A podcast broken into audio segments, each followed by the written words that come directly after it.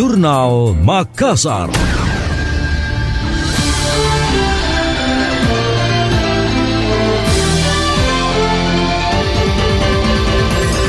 Operasi dalam rangka mengurangi resiko bencana hidrometeorologi dengan menerapkan teknologi modifikasi cuaca TMC resmi ditutup pada Minggu 22 Januari 2023. Diketahui operasi TMC di Sulawesi Selatan telah berlangsung selama 11 hari.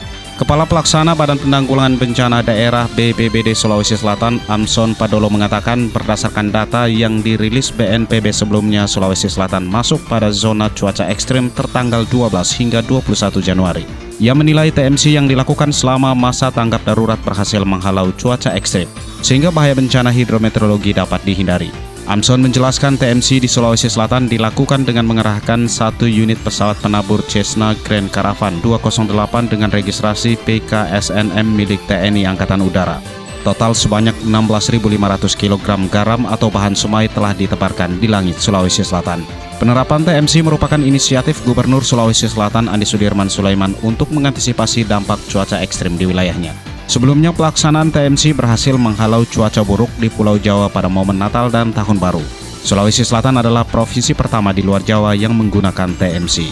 Untuk itu Andi Sudirman mengucapkan terima kasih seluruh stakeholder yang terlibat, seperti Badan Penanggulangan Bencana BNPB, BPBD Sulawesi Selatan, Badan Meteorologi, Klimatologi dan Geofisika BMKG, Badan Riset dan Inovasi Nasional atau BRIN, Lanut Hasanuddin Makassar dan PT Songo Aviasi Indonesia dan operator PT Smart Cakrawala Aviation.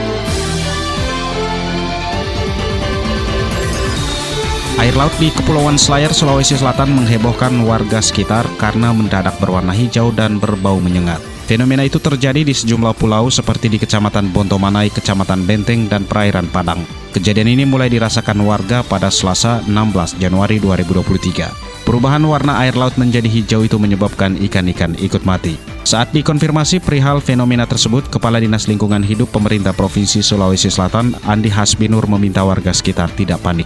Ia mengatakan dugaan sementara penyebab air laut menghijau karena adanya ledakan alga. Ia menjelaskan alga atau hewan mikroskopik ini bisa meledak karena pengaruh cuaca. Apalagi untuk kondisi laut selayar diduga banyak dihidupi hewan kecil yang menyerupai tumbuhan tersebut. Penyebab lain terjadinya ledakan alga adalah sumber makanan yang berlimpah. Pada saat alga tersebut mati maka akan menyebabkan bau yang tak sedap. Bangkai alga itu pun menjadi racun bagi ikan-ikan kecil. Hal yang sama diungkapkan pakar ilmu kelautan Universitas Hasanuddin Makassar, Ahmad Bahar. Ia mengaku ledakan alga hijau atau blooming bisa disebabkan oleh dua faktor, yakni karena perubahan iklim secara cepat, bisa juga karena penambahan nutrisi ke laut. Menurutnya perubahan suhu yang meningkat di perairan mempercepat pembelahan sel alga, sehingga pertumbuhannya juga begitu cepat.